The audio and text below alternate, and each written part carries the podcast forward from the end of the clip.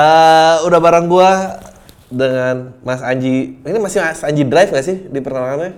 Udah bukan dong. Udah bukan ya? Udah bukan dong. Karena kalau mengadres diri sendiri ya sebagai apa? Kenapa gimana gimana? Kalau mengadres diri sendiri Oke. itu sebagai apa? Musisi? Em, pastinya gue musisi. Yang udah pasti gue Ah. musisi. Terus gue juga eh, yang yang paling pasti sih gue manusia aja. Manusia. Oke. eh apa namanya Eh, musisi. Gue pengusaha juga. Hmm. Terusnya gue yang pasti sih konten kreator gitu. Oh, Oke. Dan gue juga kepala sekolah nih sekarang. Kepala sekolah yang benar. Iya, kepala sekolah dari Holy Wings Academy. Oh. Jadi itu kita membuat eh, membuat sebuah wadah, membuat sebuah inkubator untuk musisi-musisi Indonesia yang pengen berkembang. Biasanya kan dia main di kafe, terusnya Oh, cover menarik. gitu. Nah, Ah. kita bikin untuk bisa lebih berkembang lagi gitu. Jadi kayak sekolah memang. Oke. Eh bawa balik dong waktu itu ceritanya gimana sih transisi dari band terus ya ah gua YouTube deh gitu. Maksudnya dari band ke Solo kali. Ya band ke Solo terus akhirnya YouTube. Ya sebenarnya sih waktu band ke Solo kan memang itu eh, urusannya adalah ketika gue eh, merasa banyak energi-energi dari gua yang harus disalurkan ya dan memang tidak bisa Hmm. tersalurkan gitu dan waktu itu terjadi polaritas lah gitu antara gue dengan manajemen. Oke. Oke. Nah akhirnya akhirnya setelah itu gue solo. Nah kenapa menjadi konten kreator atau youtuber? Karena memang gue merasa saat itu ya dari tahun 2008 sebenarnya gue ngerasa itu harusnya media itu pasti akan berubah. Oke. Media pasti akan berubah dan pada akhirnya nanti kita akan menjadi media untuk diri kita sendiri minimal gitu. Akhirnya Oh. memang gue membiasakan diri untuk eh, bermain di media sosial menjadi kreator karena gue tuh bukan musisi yang ini bro, gue tuh bukan musisi yang gede dari media konvensional sih. Hmm. Bo, bo- lo boleh jelasin nggak kalau jelasin ke orang awam tuh bedanya apa? Gini gini gini gini. gini. Waktu di acara-acara TV itu banyak masih aca- masih banyak acara musik. Hmm. Gue tuh pokoknya waktu itu cuma ada di dahsyat, di inbox, di em, ya maksudnya mengisi acara-acara yang memang setiap hari gitu, yang memang Hmm. butuh pengisi acara. Tapi ketika ada acara awards, ketika ada acara spesial itu gue nggak masuk ke dalam hitungan sih gitu. Jadi memang bukan bukan musisi yang apa ya, bukan musisi yang rating bagus gitu. itu itu menarik banget tuh lu sendiri maksudnya eh gua nggak tahu ya apa gua selalu merasa kayak mungkin kalau musisi tuh enggak men gue pengen dinikmati itu sebagai musikalitasnya sedangkan lu kayaknya masuk dari mentalitas dan mindset yang berbeda gitu Ya gue pengen dinikmati musiknya sih ah, ah. pastinya, tapi kan memang caranya kan, caranya gimana Hmm. gitu kan. Nah Hmm. sebenarnya kalau untuk didengerin lagu kita pengen banyak didengerin gimana sih caranya berpromo kan? Hmm. Nah artinya ke media. Hmm. Media yang tersedia tuh apa aja sih ya media konvensional kayak TV, radio, majalah gitu-gitu kan, Oke. koran saat itu, saat waktu itu gue mulai em, memasuki industri musik profesional gitu. Hmm. Nah, lalu ada pilihan lain nih, ketika di sini tidak mendapat tempat cukup besar, Hmm. tapi kan namanya tiap orang kan pengen punya porsi yang besar nih. ya ya ya Iyalah pasti semua orang kan pengen kan. Nah, gue mencari alternatif lain dan menurut gue alternatif saat itu sosial media. Hmm. Dan eh, waktu itu manajer gue tidak menyanggupi tuh, karena waktu itu memang belum seperti sekarang sih. Iya iya iya iya iya. Orang masih skeptis. Ya atau masih kayak "Ah, apa sih gitu website, Hmm, aduh ya saat itu masih website lah, blog tuh lagi Hmm, keren-kerennya, ya. Twitter eh, dan Facebook. Sampai akhirnya gue berpikir ya udah deh gue kelola sendiri dan ya udah gue mengelola sendiri, mengelola konten-konten gue sendiri, membuat konten-konten gue sendiri sampai akhirnya sampai hari ini gitu. Hmm. Eh, terus mulai bertransisi sering di YouTube. Gua aja tuh skeptisnya luar biasa loh. Itu cara menghilangkan keskeptisan itu gimana ya? Tadinya gitu ya, ah ngapain sih main di YouTube? Iya, iya, ah, iya, iya, ngapain iya. sih di Instagram gitu ya? iya. eh. Modar lo yang pada mikir gitu dulu. ada loh, ada loh beberapa musisi yang dulu ngomong sama gue kayak gini bro. Hmm. Ji, lo ngapain sih main-main di sosial media gitu? Hmm. Kita tuh sebagai musisi itu harus tampil Ya. misterius. Eh. Kita tuh harus tidak tera- tidak terlalu mudah untuk dijangkau sama fans kita gitu kan. Puris puris lah ya. Iya, iya saat itu dulu memang iya keren gitu kalau kita tuh Hmm, ya karena hmm. memang dulu susah dijangkau kan. Hmm. Ya tapi kalau zaman sekarang kan memang sebisa mungkin pendengar kita tuh harus mendengar kita karena banyak banget kalau musisi tuh banyak banget musisi. Kalau misalnya Hmm, hmm. komik banyak banget komik yang bermunculan Hmm, hmm. terus-terusan gitu kan. Entertainer, artis, eh, aktor dan lain-lain tuh banyak banget yang bermunculan terus-menerus. Jadi kita harus menjaga visibilitas menurut gua. Nah, visi- Hmm, oke. visibilitas itu ya jadinya ya di sosial media lah. Jadi keskeptisan itu memang ditepisnya dengan kesadaran sih bahwa lo harus menjadi media buat diri lo sendiri itu sih. Gokil. Gokil. Gua sampai sekarang masih gak tahu. Eh, tapi lu lu sendiri sebagai pribadi when the camera is off dengan kamera on itu mirip apa berbeda? Sama. Oh. Kalau nyebelin ya memang nyebelin. Oh, ah, ya. Bedanya kalau di dunia nyata ketika kamera off itu Eh. banyak hal-hal jelek. kayak misalnya gini, kayak ini ini ini beberapa pembahasan ya maksudnya orang bilang gitu. Lu jangan pencitraan deh gitu. Misalnya Iya. lu eh, nggak ngomong bangsat, nggak Hmm, ngomong apa apalah gitu, apa pun Hmm. gitu. Ya terus lo masa sih lu baik-baik aja gitu? Ya enggak baik-baik aja semua manusia menurut gua pasti punya sisi buruknya kan. Hmm. Tapi ketika lo masuk ke sosial media kenapa harus lo buka semua? Karena orang yang bisa menerima sisi jelek itu orang yang bisa menerima sisi jelek kita biasanya adalah orang yang dekat sama kita nih, sahabat kita, Hmm. keluarga kita, teman kita gitu. Kenapa lo harus kasih ke orang yang tiba-tiba nanti bisa ngata-ngatain lu gitu? Oh. Kalau oke. gua, kalau gua begitu. Walaupun Hmm.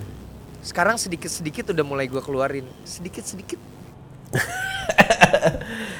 Nah, itu itu ntar akan kita bahas lebih detail pada saat udah transisi ya lo bercoba untuk podcast. Ah, gue pengen nanya pendapat lo kalau tentang misalnya em, musisi yang minim exposure sosial media, misalnya internationally kita tahu ada Ed Sheeran yang seperti itu. Ya. Eh, Eh, Ed mungkin Sheeran kalau punya Ed Sheeran main sosial media loh, tapi namanya bukan Ed Sheeran.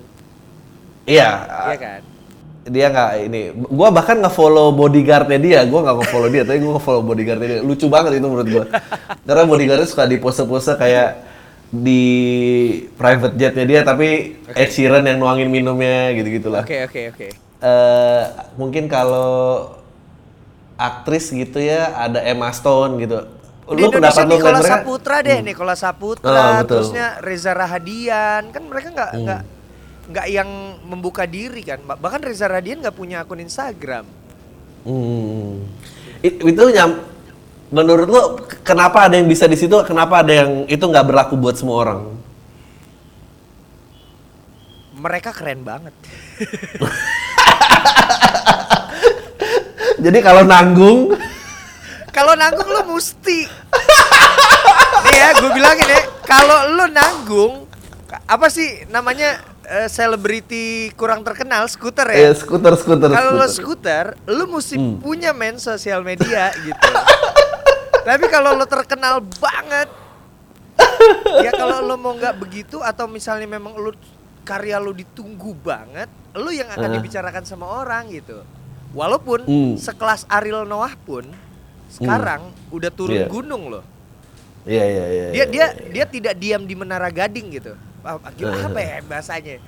Iya benar benar padahal maksudnya Ariel Noah gitu Iya iya iya iya. iya, siapa iya, sih iya. yang nggak kenal dia maksudnya siapa sih yang nggak ter wow gitu cowok aja Iya. begitu kan ke dia kan Betul betul. tapi betul. dia aja akhirnya punya channel YouTube dia Hmm. ada Instagram dan lain-lain karena menurut gue dia sadar juga bahwa sepertinya zaman udah berubah gitu ya Eh, di- distraksi misalnya konsentrasi dalam membuat kontennya sendiri sama pada saat misalnya contohnya musik gitu itu itu gimana Bi? Eh, berarti lo harus disiplin aja ya gitu ya Nge- ngebelah itu pada saat gua musisi mindset gua berubah pada saat gua vlogger atau youtuber gua berpikirnya lain lagi gitu Gini, jadi ada beberapa hal. Salah satunya adalah gua lo mau jadi konten kreator yang berbeda dengan eh, profesi lo sebenarnya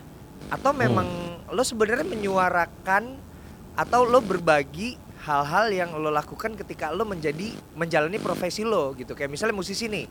Kayak Erik Sukamti deh. hmm.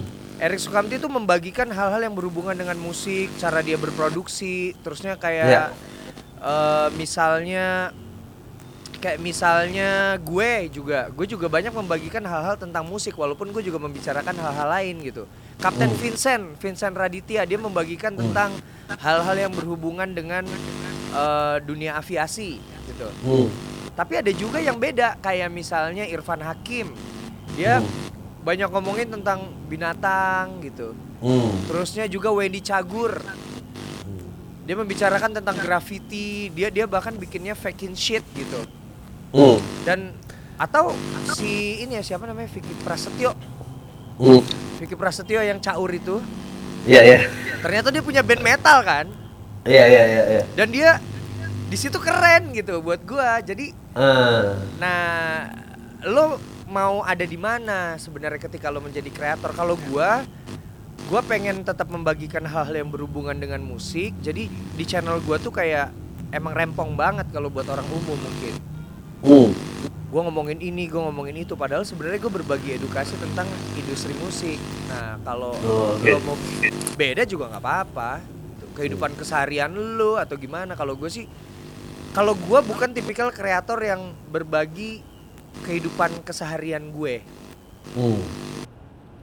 Ya jadi syuting konseptual ini gua jalan gitu ya. Bukan lu naik ojek terus lu nyalain kamera gitu. Eh, terus keinginan tadi bikin Hot Wings kenapa timbulnya itu? Eh Holy Wings sorry ya. Kok gua Hot Wings? Ah, Holy Wings Academy itu. Jadi em, memang gue dihubungi sama pihak Holy Wings, Hmm. gitu eh, ngobrol gitu dan menurut ownernya dan foundernya, gue orang yang tepat untuk em, mengelola ini, mengelola Holy Wings Academy. Nah sekali lagi itu berdasarkan apa yang gue lakukan di sosial media loh. Oh oke. Karena gue suka membuat konten, gue suka ngajak musisi cover buat memproduksi lagu sendiri, gue suka membicarakan tentang hal-hal yang berhubungan dengan industri musik. Jadinya menurut dia cuma gua yang cocok nih untuk jadi kepala sekolah di Holy Wings Academy kayak gitu. Mereka emang ceritanya buat proses screening juga pasti ya salah satunya untuk main di tempatnya mereka. Nah awalnya begitu sih bro. Jadi Eh, Holy Wings ini kan tahun 2020 aja. Kalau sesuai rencana kan waktu itu belum ada Ya. covid ya. ya. Itu akan ada 30 tempat. Hmm. Tahun depan 2021 akan ada 70 venue gitu. Satu hari setiap venue itu ada dua performance. Hmm. Iya kan? Artinya lu dalam satu bulan lu membutuhkan berapa penampil gitu. Hmm. Kan susah juga mengelolanya makanya dibikin Holy Wings Academy salah satunya itu. Tapi nilai lebih dari Holy Wings Academy adalah selain lu bisa punya venue di Holy Wings, lu bisa diorbitkan jadi superstar gitu. Eh, lu, lu sendiri gitu sebagai apa ya? Eh, pengamat bakat ya. Berarti kan salah satu yang lu How do you spot the X factor sih? Maksudnya semua yang main dan latihan band itu kan banyak banget ya. Dan lu ngerasa kayak oke ini orang ini punya sesuatu nih. Feeling Oh feeling ya? Ya, makanya kalau zaman dulu kan ada sama terga eh, gini gini. Orang kalau cakep itu salah Eh. satu faktor loh. Iya, skor gede lah itu ya. Em, bukan yang utama, tapi bisa membantu gitu. Nah, itu Ya, salah ya, satunya ya. juga good looking. Tapi bukan itu yang pertama kali kalau misalnya penyanyi pastinya dia bisa nyanyi dengan bagus kalau gua. Lalu ada yang namanya feeling sih. Feeling ya. Coba lu cerita, misalnya ceritain lu ngediscover siapa dan lu waktu itu Cynthia Gabriela. gimana? Hmm. Oke, Cynthia Gabriela itu dia musisi cover yang ada di Instagram, di YouTube gitu kan. Hmm. Banyak banget penyanyi yang bagus gitu. Hmm. Penyanyi cover yang bagus, tapi tiba-tiba feeling gua ke dia kayak nih kayaknya nih anak sesuatu nih. Hmm. Ya feeling aja, feeling aja. Feeling nggak tahu ya, kenapa. hmm. Padahal cupu banget dia.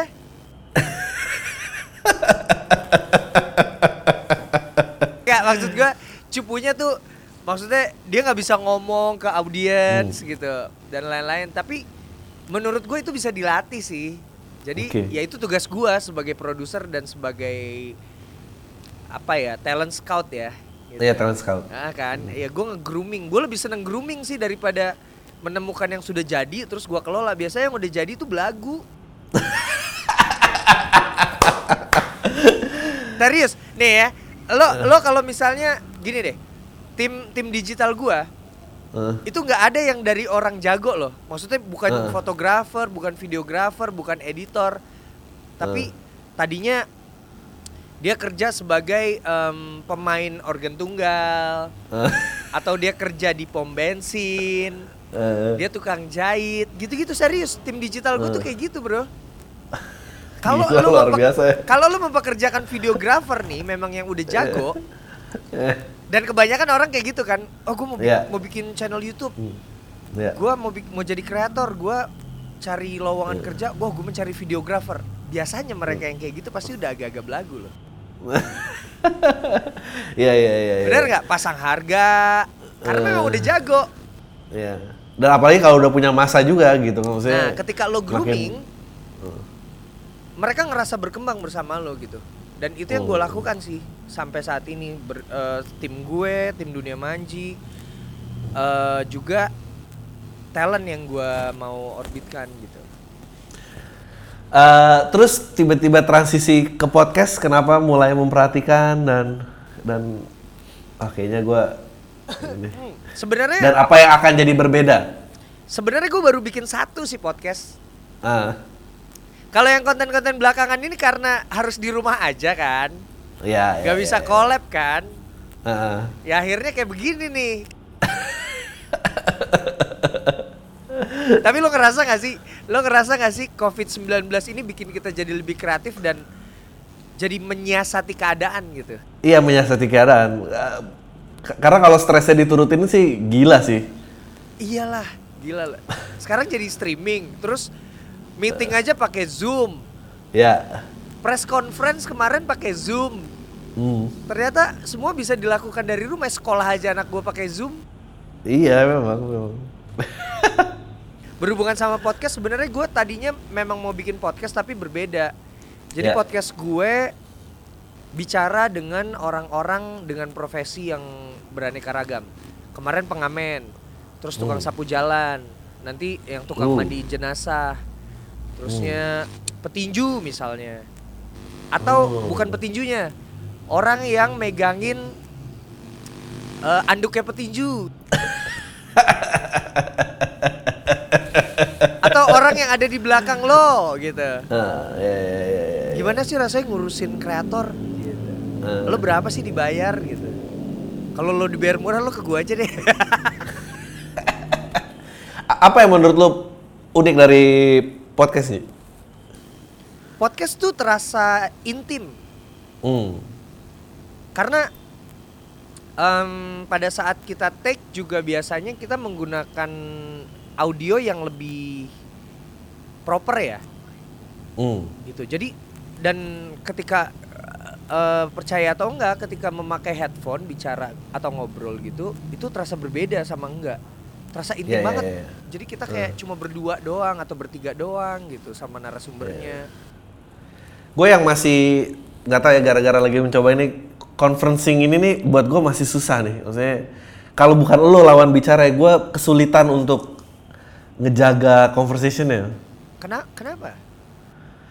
eh ka- kalau langsung ya buat gue yang stand up gitu ya, buat gue micro expressions dan segala sesuatu yang pergerakan itu bisa gue baca. Heeh. Tapi kalau ini tuh kayak, aduh, belum delaynya, masalah koneksi, terus orang ini tuh masih engage gak sih sama gue? Perasaan-perasaan kayak gitu tuh. Ya kita harus terbiasa sih sama hal ini menurut gue. Nah, ini ini ini, yang terakhir ya, Ekmen ya. Lu Ini ngerasain satu hal, satu hal, Oh, iya, satu iya. hal, satu hal sebelum lo nanya. Hmm. Jadi kemampuan kita beradaptasi Hmm. itu akan membentuk kita menjadi seseorang yang kuat sih menurut gua. Dari zaman dulu sejarah manusia ya, kayak ini ini kebetulan nih gua ada ada ada buku ini nih. Ada buku Sapiens ini gua Sapiens, lagi baca ya. buku ini. Hmm. Maksudnya kemampuan kita beradaptasi itu sangat berpengaruh sama eh, karir kita sih kalau gua rasa karena zaman berubah begitu cepat gitu. Jadi ketika lo memang harus beradaptasi, si- eh, ya you have to adapt or you die. Iya. Gua actually terakhir gua stand up joke gua juga tentang itu gua bilang gua nggak mungkin gua harus beradaptasi kalau gua mati duluan karena kalau di zaman batu gua gengsi main sama teman gue yang udah nemuin api ya gua mati duluan gitu maksudnya kayak gua nggak mungkin jadi orang yang kayak masa dingin deket-deket api gitu cupu banget tahan dong tahan mati dia pasti apa-apa. Mati mati dia ah, daging mentah aku dimasak sih makan aja langsung mati pasti dia nggak bisa Wah tapi kalau Eh, kita masak masak semua nanti eh, per- apa pengusaha sushi nggak laku. ya maksudnya itu itu itu sama dengan konteks tadi dengan musisi yang konvensional tidak mau berubah dan segala macam padahal dunianya itu berubah gitu. Nah, lu sendiri gitu ngeliat Covid gini eh, apalagi lu musisi juga lu tampil dan segala macam lu melihat masa depan off air tuh nanti kayak apa ya? Jadi sebenarnya sebelum masa covid ini terjadi, gue waktu itu pernah nulis di Twitter sih. Hmm. Waktu itu zamannya Periscope baru mulai tuh. Hmm, hmm, hmm, hmm. Kan mulai tuh live live gitu kan sebelum Instagram live Ya. tuh. Ya.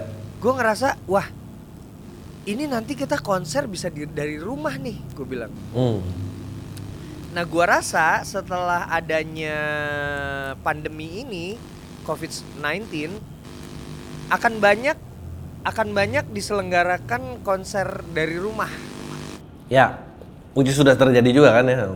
Kalau sekarang kan mau tidak mau, iya kan? Tapi setelah Iya. ini, setelah masa ini berlalu, gua rasa masih akan tetap ada karena apa? Brand itu ngerasa lebih lebih murah loh, jauh lebih murah. Ya. Hmm. Misalnya lo mau bayar artisnya 100 juta misalnya. Hmm. Lo bayar 100 juta ya udah. Gitu doang. Hmm. Dan bahkan lo bisa ngegedein nge-grab masanya ke channel lo, ke channel si brand gitu. Sementara kalau lo bikin event off air, lo akan lo harus mengeluarkan biaya untuk panggung, untuk sound system, untuk lighting, untuk wah banyak hal pengamanan dan lain-lain gitu kan. Tapi yang perlu dicatat adalah tidak ada yang bisa mengalahkan pengalaman visual atau eh, pengalaman langsung. Ya. Sama kayak lo nonton di Netflix, iFlix atau View atau apa pun, ketika lo nonton di bioskop itu rasanya beda. Iya. Jadi konser konser musik juga akan seperti itu. Akan ada konser streaming tetap berjalan tapi nonton konser secara langsung itu tidak bisa digantikan rasanya. Tapi lu sendiri sebagai ya misalnya lu membiarkan ya ego lu gue pengen tahu aja gitu. Kita menjaga romantisme kelangsungan itu gimana ya? Maksudnya ekstasinya dan apalagi kayak gue nih stand up yang paling suffer adalah mungkin kalau musisi bisa satu arah.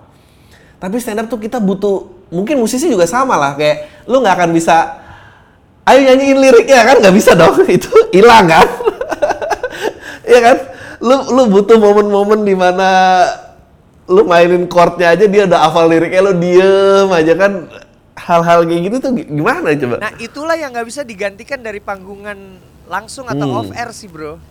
Hmm. Gitu. atau teknologinya belum mencukupi gitu ya Eh, teknologinya belum mencukupi pasti akan ada delay walaupun Iya, lo iya, pakai iya. 5G yang menghancurkan itu pun eh ngomong-ngomong gara-gara Covid ini kita nggak peduli lo sama 5G 5G bahaya lo. Oke oke oke Kenapa Pak Haji ya? boleh boleh. Kalau kita random aja.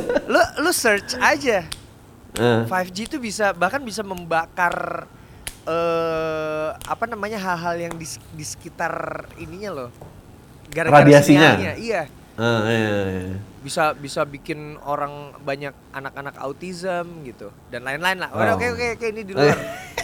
Tadi apa ya? Oke bagaimana caranya ya? Mm-mm. Mm, Nggak bisa, Nggak bisa ya. nggak bisa. Yang bisa lo lakukan sebenarnya adalah bagaimana caranya memuaskan audiens di rumah atau di mana pun yang mereka sedang menonton live lo dengan sistem audio dan video yang bagus sih. Hmm. Karena dengan audio visual yang bagus, jadi mereka akan merasa intim sih. Hmm. Makanya gua kalau bikin live Instagram pun gue pakai ada satu aplikasi lain yang lo bisa multicam, audio lo bisa Hmm. lewat mixer dan Hmm. yang dengerin orang bahkan kayaknya gue pertama deh musisi pertama yang menggunakan atau bukan artis pertama atau orang pertama kali yang pakai yang pakai multicam di Instagram live Eh.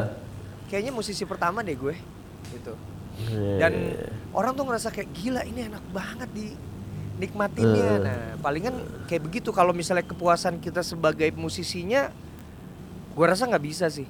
Kecuali lo Hmm. lo siapin aja tepok tangan sendiri. Pakai yang itu pakai yang sound itu loh sound effect itu loh Iya. bro jadi eh, prok prok prok prok prok prok prok prok prok. Sengaja buat lo sendiri puas gitu.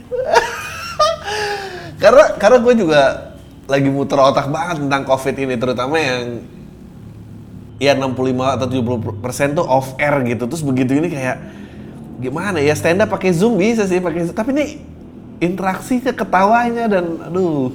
Ya, tapi akhirnya memang apa yang mau tidak mau. Mau tidak mau kan, lo harus beradaptasi atau lo mati gitu kan. iya. Nah, kalau gue lihat kayak stand up tuh ada yang ya kemarin yang begitu viral itu si bintang Emon tuh.